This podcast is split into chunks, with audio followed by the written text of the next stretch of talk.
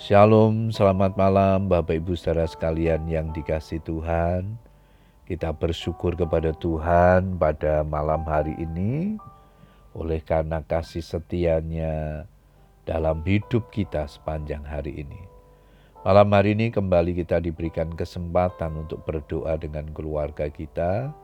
Namun sebelum berdoa saya akan membagikan firman Tuhan yang malam hari ini diberikan tema kasih sebagai dasar hidup orang percaya.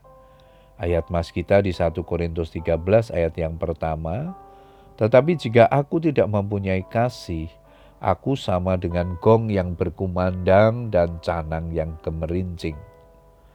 Ada dua ajaran Kristus yang bersifat luhur dan agung, yaitu mengasihi dan memuridkan. Kedua ajaran tersebut bersifat imperatif atau suatu perintah yang wajib dilakukan oleh semua orang percaya tanpa terkecuali. Bukan bersifat alternatif, suka-suka atau pilihan yang didasarkan pada kesenangan hati. Dalam suratnya kepada jemaat di Korintus, Rasul Paulus menegaskan begitu pentingnya kita memiliki kasih. Kasih yang bagaimana? Kasih yang dipraktekkan. Orang percaya dituntut untuk hidup dalam hukum kasih. Hukum kasih ini menekankan pada motivasi. Segala sesuatu yang kita lakukan, baik itu dalam hal ibadah, pelayanan, pekerjaan, menolong sesama, atau apa pun juga, bila dilakukan tanpa dasar kasih, atau motivasi yang benar, maka tidak akan ada faedahnya di mata Tuhan. Sekalipun aku dapat berkata-kata dengan semua bahasa manusia dan bahasa malaikat, sekalipun aku mempunyai karunia untuk bernubuat dan aku mengetahui segala rahasia dan memiliki seluruh pengetahuan, dan sekalipun aku memiliki iman yang sempurna untuk memindahkan gunung, dan sekalipun aku membagi-bagikan segala sesuatu yang ada padaku, bahkan menyerahkan tubuhku untuk dibakar. 1 Korintus 13 ayat 1 sampai 3. Ini menunjukkan bahwa kasih yang memiliki peranan yang penting dalam segala aspek hidup pengikut Kristus.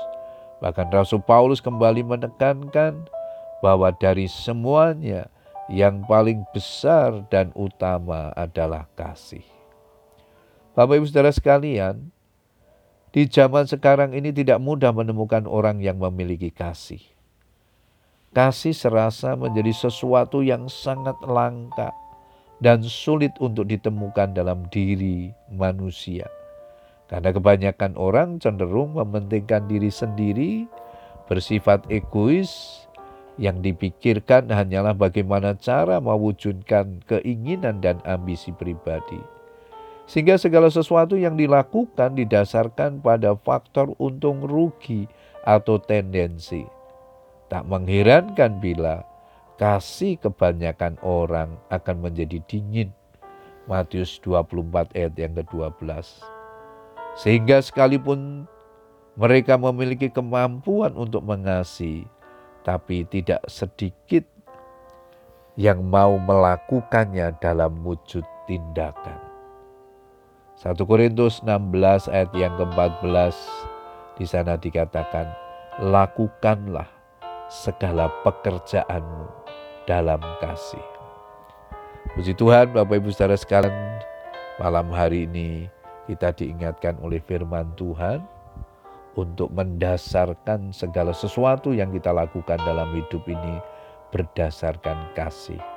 Sebab kasih adalah perintah Tuhan. Mari kita belajar untuk melakukannya. Mungkin tidak mudah dilakukan, tetapi Roh Kudus akan menolong kita untuk bisa melakukannya dalam hidup kita setiap hari. Selamat berdoa dengan keluarga kita tetap semangat berdoa. Tuhan Yesus memberkati kita semua. Amin.